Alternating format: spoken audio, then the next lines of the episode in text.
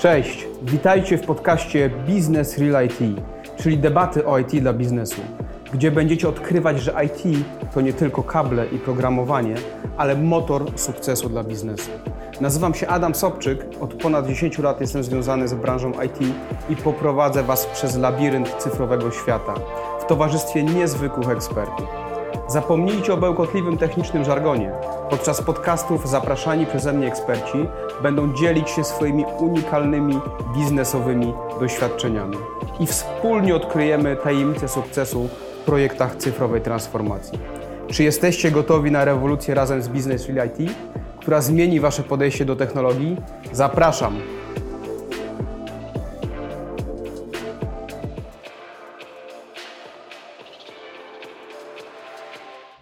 Cześć, witam serdecznie w kolejnym odcinku podcastu Business Real IT, czyli debaty o IT dla biznesu. Dzisiaj będziemy rozmawiać e, o obszarze finansowo-księgowym, o obszarze systemów ERP, a w szczególności o temacie zgodności z legislacją. Bardzo często podczas spotkań z klientami, niezależnie czy mówimy o wdrożeniu w Polsce, czy w Europie Zachodniej, czy w, czy w Stanach, czy w jakimkolwiek innym kraju, e, spotykam się z pytaniem, czy ten system będzie w pełni zgodny z polskim ustawodawstwem. Dzisiaj skupimy się na tym, jak istotny jest ten obszar i jak często firmy nie zwracają na niego uwagi w szczegółach. Moim gościem dzisiaj jest Szymon Pociask. E, Szymon jest bardzo doświadczonym konsultantem ERP-owym. Szymon, jakbyś mógł proszę powiedzieć parę zdań o swoim doświadczeniu. Cześć wszystkim, witam. Tak, trochę się już zebrało. Tak naprawdę od 10 lat zajmujemy się tym wdrożeniami tych systemów ERP, szczególnie z technologii Microsoftowej. I na co dzień udało się już pracować z wieloma branżami, z, z, wieloma firmami tak naprawdę z różnych branży, czy to od firm dystrybucyjnych, produkcyjnych, serwisowych, usługowych. Także przez te lata, by się zastanowić, to ilość problemów i wyzwań, z którymi się mierzyliśmy i które później udało się obsłużyć taką aplikacją ERP-ową, jest ich dość sporo. Także mam nadzieję, że w ramach pewnej dyskusji potrafi, będziemy w stanie sobie opowiedzieć o kilku z nich. To zacznijmy może od czegoś bardzo podstawowego, bo historycznie zawsze mówiło się o systemie finansowo-księgowym, a system ERP tak naprawdę jest dużo szerszym rozwiązaniem niż system finansowo-księgowy. Więc czym tak naprawdę w dzisiejszym świecie XXI wieku jest, są systemy klasy ERP? Jest tak, że w sumie jak pierwszy raz zacząłem w ogóle współpracę z systemami IT, takimi, które zachodziły na klasę systemów ERP, to mierzyliśmy się z tym, że wszystkie systemy były takie wyspowe. Czyli jeśli mieliśmy daną organizację, w organizacji wiemy, że występują różne działy od sprzedaży, po planowanie zakupów, magazyny, produkcję, później zarządzanie finansami, żeby to wszystko rozliczyć, to spotykaliśmy się z tym, że każdy, każda osoba trochę pracowała na innym systemie. Była bardzo popularna taka wyspowość. Wynikało to trochę z tego, że firma się rozrastała i początkiem nie była tak duża, jak po kilku latach się stała. Więc początkowo nie potrzebowaliśmy bardzo zaawansowanych systemów, których swoją drogą nie było tak dużo, jak jest teraz. Były one droższe i były po prostu trudne do wdrożenia. Więc firma zaczynała tak naprawdę od jakiegoś systemu do zarządzania sprzedażą, Księgowość zazwyczaj była realizowana przez biuro rachunkowe, później dochodziła potrzeba większego magazynu, może zarządzania lepszą produkcją, gdzie arkusz Excela nie występował. I tak z roku na rok, jak firma rozrastała, biznes się kręcił, okazywało się, że te procesy stawały się coraz bardziej skomplikowane i wolumen narastał.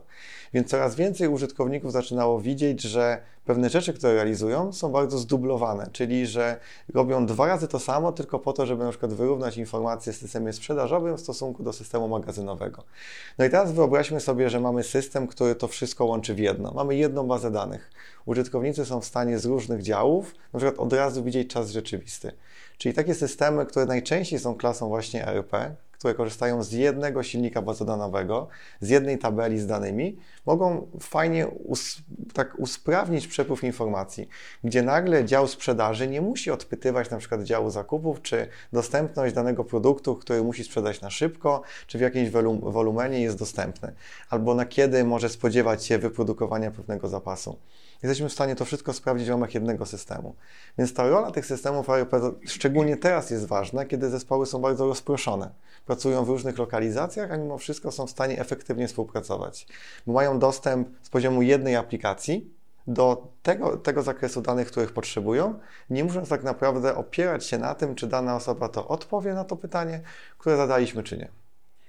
Wspomniałeś trochę o historii systemów ERP, powiedziałeś o tym, że kiedyś te rozwiązania były droższe, e, powiedziałeś o tym, że dzisiaj e, użytkownicy i organizacje oczekują dostępu w czasie rzeczywistym, o pracy z różnych organizacji. Jak rozpowszechnienie technologii chmurowych miało wpływ na rozwój właśnie systemów ERP?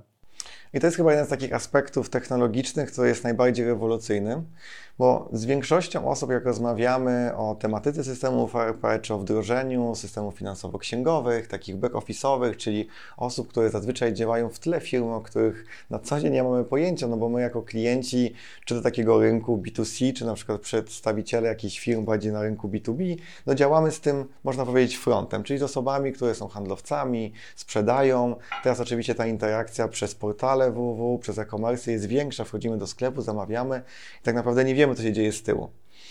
No i jeśli pracujemy teraz w tych obszarach trochę rozproszonych, to rewolucja technologiczna pod względem, że nagle system nie kojarzy nam się z jakąś serwerownią gdzieś u nas w firmie, gdzieś w piwnicy. Nie mamy komputera z pulpitem zdalnym, czy z jakimiś VPN-ami, specjalnym dostępem do aplikacji, tylko możemy dostać się do aplikacji przez przeglądarkę, to niesamowicie nam to ułatwia. I teraz wyobraźmy sobie, że mamy system ERP, który zachowuje się tak samo, i lub dostęp do niego jest taki sam, jakbyśmy odpalali naszą przeglądarkę poczty, czy jakiś rodzaj aplikacji do komunikacji zespołowej. Czyli sposób dostępu, który nie jest zależny od miejsca, w którym jesteśmy, nie kojarzy się taką starą technologią, też pozwala nam szybciej pewne rzeczy wykonać. Łatwiej dostać się do informacji i mniej być limitowanym na przykład jakimś zakresem, który związany jest tylko z tym, że nie możemy zrealizować jakiejś czynności, bo jesteśmy w miejscu, którym na przykład aktualnie przebywamy z jakiegoś powodu, a musimy być konkretni na przykład w obszarze filmowym. I dostęp do tej aplikacji, której potrzebujemy, poza miejscem pracy myślę, że jest kluczowy. I ta technologia chmurowa to ułatwia. Pozwala to zdecentralizować to miejsce pracy i możemy tak naprawdę być w każdej lokalizacji, a jedyne co potrzebujemy to dostęp do internetu, gdzie tak naprawdę dzisiaj jest on powszechny. Chmura na pewno zrewolucjonizowała wszystkie aplikacje biznesowe, czy to klasy RP, czy klasy CRM. Najlepszym przykładem tego jest to, że jeszcze do niedawna e, rozmawialiśmy już tylko tak naprawdę z instytucjami publicznymi lub normowanymi przez jakąś e, komisję nadzoru finansowego na przykład, właśnie o rozwiązaniach on-premisowych, dlatego że cały, cała reszta rynku już wdrażała rozwiązania chmurowe od lat. Natomiast w ciągu dwóch lat wchodzi dyrektywa, e, która odwraca ten sposób myślenia, bo tak jak dotychczas organizacje mm, e, z właścicielstwem Skarbu Państwa musiały wdrażać rozwiązania on-premisowe. Jeśli były w chmurze, to musiały mieć plan powrotu do on-premisa. Tak teraz to się odwraca i rekomendowanym podejściem będzie wdrażanie właśnie w modelu chmurowym jeśli klient jest, jeśli firma jest on-premisowo, instytucja jest on-premisowo, będzie musiała mieć plan ucieczki do chmury, bo ta chmura okazuje się, że jest bezpieczniejsza, jest lepsza. Ale przechodząc już do meritum dzisiejszego odcinka, e, powiedz z Twojej perspektywy, jaki wpływ, wpływ właśnie na wdrożenie czy na wybór systemu RP mają kwestie legislacyjne? Jest tak, że szczególnie na rynku na przykład naszym polskim, gdzie ta legislacja bardzo mocno się zmienia, szczególnie w aspektach takiej cyfryzacji, ułatwień teoretycznie, które powinny wpłynąć na rozliczanie się z tego, co robimy w każdym miesiącu, czy też spełnianie tych wymogów, do których się nasz kraj też dostosowuje i ogólnie postęp generalnie technologiczny, który występuje, no, sprawia to, że zmian jest naprawdę sporo i to one przede wszystkim wpływają na takie ostateczne rozliczenie tych finansów. Wiemy, że tam najwięcej będzie tych zmian, no bo sposób na przykład realizacji biznesu, który mamy, zawsze będzie opierał się na pewnym przepływie, który mamy ustalony, w zależności czy będziemy sprzedawać usługi cyfrowe, czy będziemy na przykład dystrybuować pewne zapasy, które będziemy, czy towary kupowane. Więc zawsze pewien proces się nie zmieni, który na przykład jest od zakupu przez magazynowanie po sprzedaż. Ale przez to, że cyfryzacja będzie postępować i na przykład zmiany będą wymuszać na inny sposób rozliczania się z urzędami skarbowymi, z ministerstwami, czy na przykład będziemy musieli wystawić dokumenty w pewien konkretny sposób, to jeśli mamy tą legislację, która się zmienia, a nasze zaplecze IT nie do końca za tym nadąża, to organizacja nie będzie mogła skupić się w pełnym zakresie na tym, na czym powinna się skupić, czyli na realizacji swojego biznesu, tylko będzie cały czas starała się uzupełnić tą lukę, gdzie system, który miał wspierać, będzie stał przeszkodą. I teraz, jeśli mamy rozwiązanie, które nadąża za tą legislacją, to dużo prościej jest organizacji nie mieć z tyłu głowy, że musi się jeszcze martwić o aspekt, w którym się na przykład nie specjalizuje, czyli zaplecze IT, a skupić się na tym, na czym powinna się skupić, czyli właśnie na realizacji swojego procesu biznesowego. No właśnie, ale jak to zrobić, żeby z jednej strony e, wybrać system, z drugiej strony przygotować się na jego e, rozwój i utrzymanie w przyszłości, żeby był on zgodny z legislacją nie tylko na dzień dzisiejszy, kiedy on został wdrożony, ale również w przyszłości? Dzisiaj tak naprawdę jak na rynku popatrzymy, to jeśli jesteśmy przedsiębiorcą, na przykład zakładamy, mamy nowy pomysł, zakładamy działalność, bo na przykład ją przejmujemy, pozyskujemy w formie jakiegoś dziedzictwa na przykład rodzinnego, no to w końcu staniemy przed zadaniem wyboru systemu, takiego zaplecza IT, które będzie wspierało nasze przedsiębiorstwo. I dzisiaj na rynku jest ogrom takich rozwiązań. Jakbyśmy to starali policzyć, będzie kilkadziesiąt rozwiązań, przed którym przedsiębiorstwo musi stanąć przed wyborem i zdecydować na ten jeden konkretny. A wiemy, że ta inwestycja chwilę trwa, zajmuje czasu, kosztu i zaangażowania. Znajdziemy rozwiązania, które są stricte rodzime, takie z rynku polskiego, znajdziemy rozwiązania europejskie i rozwiązania zagraniczne. No ale na końcu zawsze będzie nam chodziło o to, że jak wybierzemy rozwiązanie, to nie będziemy musieli go zmieniać za 5-10 lat. Tylko to rozwiązanie będzie z nami, a co więcej, będzie rosło z nami, tak jak my będziemy rośli jako przedsiębiorstwo i będzie w stanie się dostosowywać do tego, co będziemy aktualnie potrzebowali. Więc myślę, że jeden z takich punktów kontrolnych, które powinniśmy sprawdzić, to czy dostawca tego rozwiązania ma przede wszystkim taki, taki plan rozwoju tego rozwiązania na kolejne lata. Najczęściej dostawcy udostępniają swego rodzaju roadmapy, na których pokazują, jak aplikacja i rozwiązanie będzie się zmieniać w perspektywie na przykład kolejnych 6, 12, 18 miesięcy, przez co klient może też zobaczyć, jak to mm, jest zapewnione, jaki jest pomysł, jaki jest plan. I też przede wszystkim powinni poszukać takich rozwiązań, które pojawiają się gdzieś w formie case study, takich wdrożeń, że jest to rozwiązanie, które potrafimy szybko znaleźć, że jest dosyć popularne. Albo jeśli realizujemy jakiekolwiek działania w ramach przedsiębiorstwa, no to mamy też pewną sieć kontaktów, relacyjność, potrafimy kogoś zapytać o to, z jakiego rozwiązania korzystają. Więc ta powszechność i znajomość rozwiązania, że też jest kluczowa, żeby rozwiązanie nie było przysłowiowym takim krzakiem, że nie do końca wiemy, skąd ten produkt się wziął, a dostawca może poprzeć się też referencjami innych wdrożeń. Mhm. Wspomniałeś o tym, żeby rozwiązanie, które klienci potencjalnie wybierają, miały skonkretyzowane plany rozwoju. To może przejdźmy na jakiś konkretny przykład. Wiemy, mamy za sobą jednolite pliki kontrolne, które były w kilku wersjach, mamy split paymenty, mamy whitelisty, przed nami jest KSEF. Jak to w praktyce będzie wyglądało? Czyli rząd zapowiedział, że będzie KSEF i jak to wygląda, jak to jest dostarczane dla klientów, jakie to zmiany u nich e, wymaga, co trzeba zrobić, żeby ten system był znowu zgodny z KSEF-em? KSEF jest chyba świetnym takim przykładem dużej zmiany legislacyjnej, która często jest jeszcze bagatelizowana przez e, przedsiębiorstwa, jeśli chodzi o zakres zmian i wdrożenia, które musi się odbyć, żeby ten KSEF wydziałał tak, jak jest zakładany przez na przykład ministerstwo. Bo KSEF sam w sobie, jako krajowy taki system e-faktur, w swoim zamyśle ma usprawnić obieg dokumentów pod względem faktura sprzedaży, faktura zakupu, szczególnie dla jednostek takich e, biznesowych, czyli firma do firmy. I teraz sam KSEF często jest interpretowany, że to jest system, który będzie usprawniał nam fakturowanie i dzięki którym będziemy mogli zrobić wszystko to, czego na przykład nie zawsze udawało się zrobić w naszym systemie finansowo-księgowym czy systemie klasy RP. A tak naprawdę KSEF jest tylko taką bazą danych, która będzie to łączyć i ona wpływa na to, że każda faktura sprzedaży, która będzie na przykład wystawiana, czyli już tak naprawdę niedługo, bo od lipca następnego roku będzie to obligatoryjne dla wszystkich przedsiębiorstw, co może być też takim zaskoczeniem, gdzie jak wprowadzaliśmy w pierwszy raz jednolite pliki kontrolne, które, o których wspomniałeś, to ministerstwo to fazowało. Najpierw były większe organizacje, później mniejsze, na końcu te najmniejsze. W przypadku KSEF-u jest tak, że wszystkie organizacje startują jednocześnie. Oczywiście będą wyjątki względem różnych przypadków, bo wiemy, że tych przypadków fakturowania w Polsce jest bardzo wiele ale implementacja KSEF-u to jest tak naprawdę dostosowanie pewnych procesów, które są u nas w organizacji. Bo KSEF to nie jest tylko, że zaksięgowana faktura jest wysyłana do KSEF-u i później jest odbierana przez kontrahenta.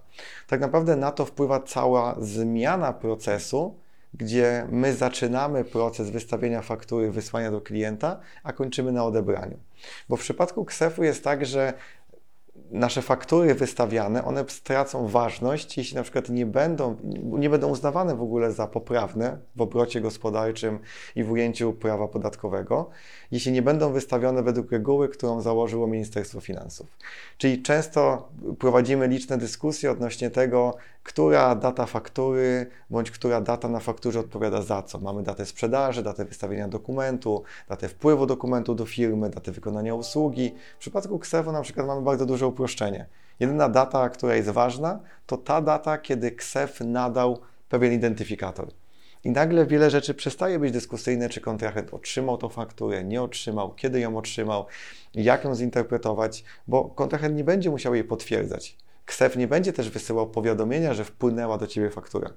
On z jednej strony będzie uproszczony, z drugiej strony dochodzi pewien poziom skomplikowania, jak do tego podejść operacyjnie bo nagle ścieżki fakturowania też ulegają zmianie. Jeśli na przykład nasza firma prowadzi fakturowanie w kanałach krajowych, unijnych, zagranicznych, no to KSEF bardziej wpływa tylko na kanały krajowe, gdzie będziemy musieli rozdzielić procesy, które mamy obecnie w firmie, że fakturowanie polskie wygląda w taki sposób, zagraniczne analogicznie jak do polskiego. Nagle będziemy musieli to robić w inny sposób.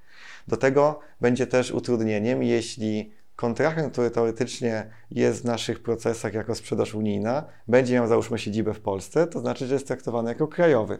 Bardzo dużo różnych zależności, które należy wziąć pod uwagę, a nie tylko liczyć na to, że KSEF będzie poprawny, jeśli wejdzie aktualizacja oprogramowania. Bo organizacja poprzez tylko usługę dostawcy, czyli aktualizacji rozwiązania, nie wdroży KSEF-u. Będzie musiała też aktywnie wziąć w tym udział. E, więc to jest jeden z aspektów, o których też powinniśmy, myślę, pamiętać. O ważnym temacie wspomniałeś, czyli o tym, że klienci często bagatelizują różne te różne e, obszary zmiany legislacyjnej, patrząc na nie tylko z perspektywy systemowej, zapominając o tych zmianach proceduralnych. Ja dosyć często stykam się z tym w projektach, gdzie to klient ma centralę za granicą i centrala wdraża jakieś oprogramowanie i później robi rollouty w innych krajach, na przykład w Polsce. I tutaj dosyć często jest taki brak zrozumienia, jak daleko idąca jest ta, ta polska legislacja i zmiany legislacyjne, które mają wpływ na systemie. Często stykam się z tym, że e, tam ktoś z zespołu e, projektowego w centrali mówi, ustawimy odpowiednie poziomy e, procentów podatków, ustawimy odpowiedni plan kont i będzie grało. Natomiast tak do końca nie jest. To z Twojej perspektywy i swojego doświadczenia, na jakie obszary w systemie ma wpływ ta przykładowo polska legislacja? ta nasza polska legislacja myślę, że najmocniej przy wdrożeniach takich systemów ERP-owych w ramach przykład grupy kapitałowej, gdzie centrala przykład bierze czynny udział we wdrożeniu implementacji systemu w oddziale na przykład polskim, takim lokalnym, no jest najmocniejsza myślę w zakresie takiego podatku VAT-owskiego. Że jeden z takich najbardziej podstawowych błędów takich dostawców zagranicznych jest to, że oni nawet nie biorą pod uwagę, jak bardzo rozbudowany może być obowiązek podatkowy, który my na co dzień posiadamy w Polsce. Świetnym przykładem jest, są na przykład takie wdrożenia, gdzie grupa kapitałowa ma siedzibę na przykład w Wielkiej Brytanii, mm, w tamtych krajach anglosaskich, gdzie rozwiązanie do wyraportowywania podatku VAT-owskiego w zależności od tego, jakie mamy kwoty sprzedaży, zakupu, zostało od początku zaprojektowane tak, żeby było jak najprościej. Że przysłowiowy sprzedawca, który mm, ma za zadanie to wyraportować, nie będzie potrzebował specjalistycznej firmy, żeby to zrobić, biura rachunkowego, będzie mógł zrobić to samodzielnie. Ich na przykład rozwiązanie do raportowywania VAT-owskiego, który nazywa się bezpośrednio Making Tax Digital, no składa się tak naprawdę z kilku boksów, krateczek, w których należy wyraportować sumy i nie zakłada na przykład potrzeby korygowania faktur y, o przysłowiową złotówkę, czy jakieś takie drobne końcówki. W przypadku Polski, jak na przykład taki dostawca wchodzi i jest zaznajomiony z konstrukcją naszego jednolitego pliku kontrolnego, ilością różnych wyjątków, które my posiadamy, oni są wtedy autentycznie zaskoczeni, bo zazwyczaj byli przygotowani do tego, że faktura podlega opodatkowaniu bądź nie podlega opodatkowaniu. W Polsce jest tak, że faktura może nie podlegać na trzy różne sposoby. Może być e, całkowicie bez VAT-u, może być zwolniona z VAT-u tylko pod warunkiem spełnienia jakiegoś kryterium, a może na przykład mieć stawkę zero, dlatego że podlega innemu kryterium.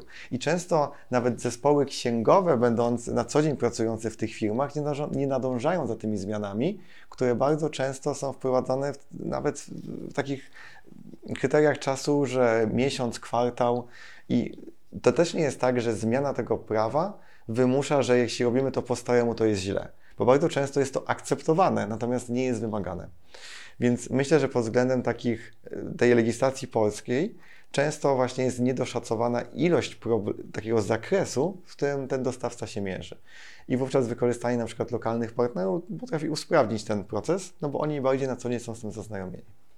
No, słuchając tego, co mówisz, to można by wręcz dojść do wniosku, że polski ustawodawca jest pod wpływem lobby branży IT, bo tyle pracy dostarcza, że mamy spokojnie ręce zajęte na kolejne kilka lat.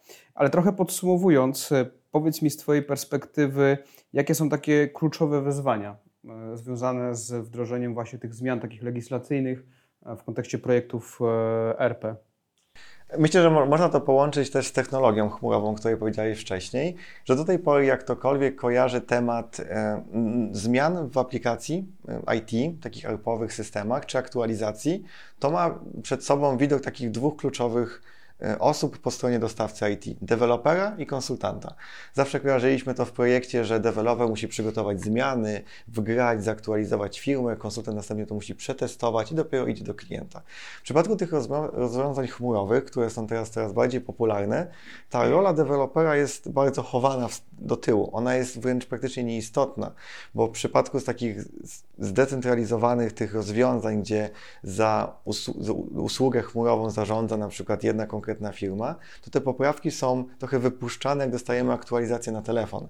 My nie potrzebujemy już udziału dewelopera, żeby na przykład wgrać nowy pakiet dostosowań, który umożliwi nam wysyłanie z systemu faktury do Ksefa. My ten de development ogólno rozumiany dostajemy tak naprawdę w pakiecie, czyli redukujemy znaczną część kosztów i czasu zaangażowania, ale przenosimy większą uwagę na czas pracy konsultanta, czyli osoby, która ma za zadanie tak naprawdę wesprzeć klienta w tych zmianach, ale jednocześnie zmapować mu to na świat tej aplikacji. No bo na co dzień użytkownik widzi tylko frontend aplikacji, ekran główny, po którym się porusza, aplikację, guzik księgu i wyślij.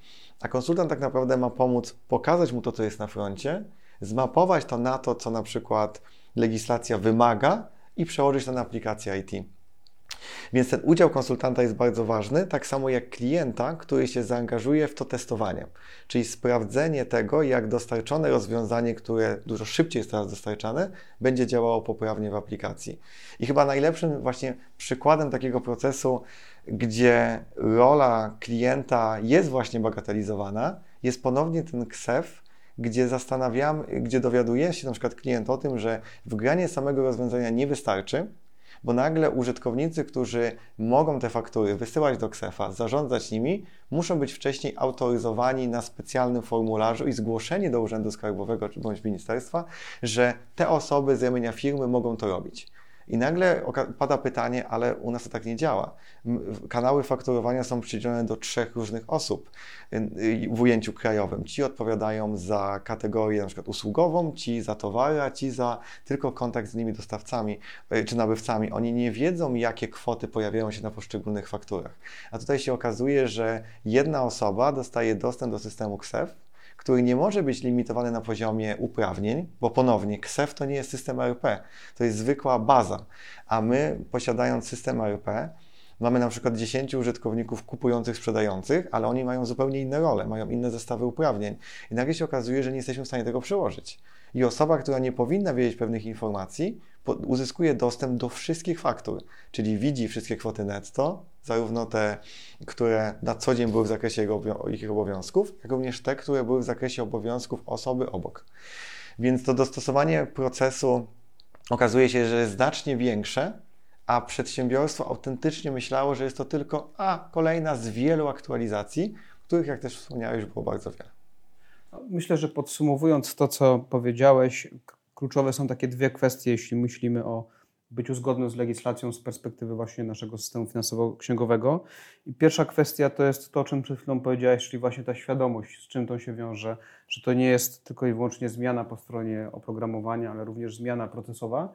I po drugie, wybór jednak technologii, która która będzie bardzo dostępna, która będzie globalna, która będzie stała, która nie spowoduje, że za kilka lat zostaniemy systemem, który nie jest rozwijany i która najprawdopodobniej będzie chmurowa, no bo chmura jest tutaj jakby synonimem tej innowacyjności i zapewnienia zmian na przyszłość.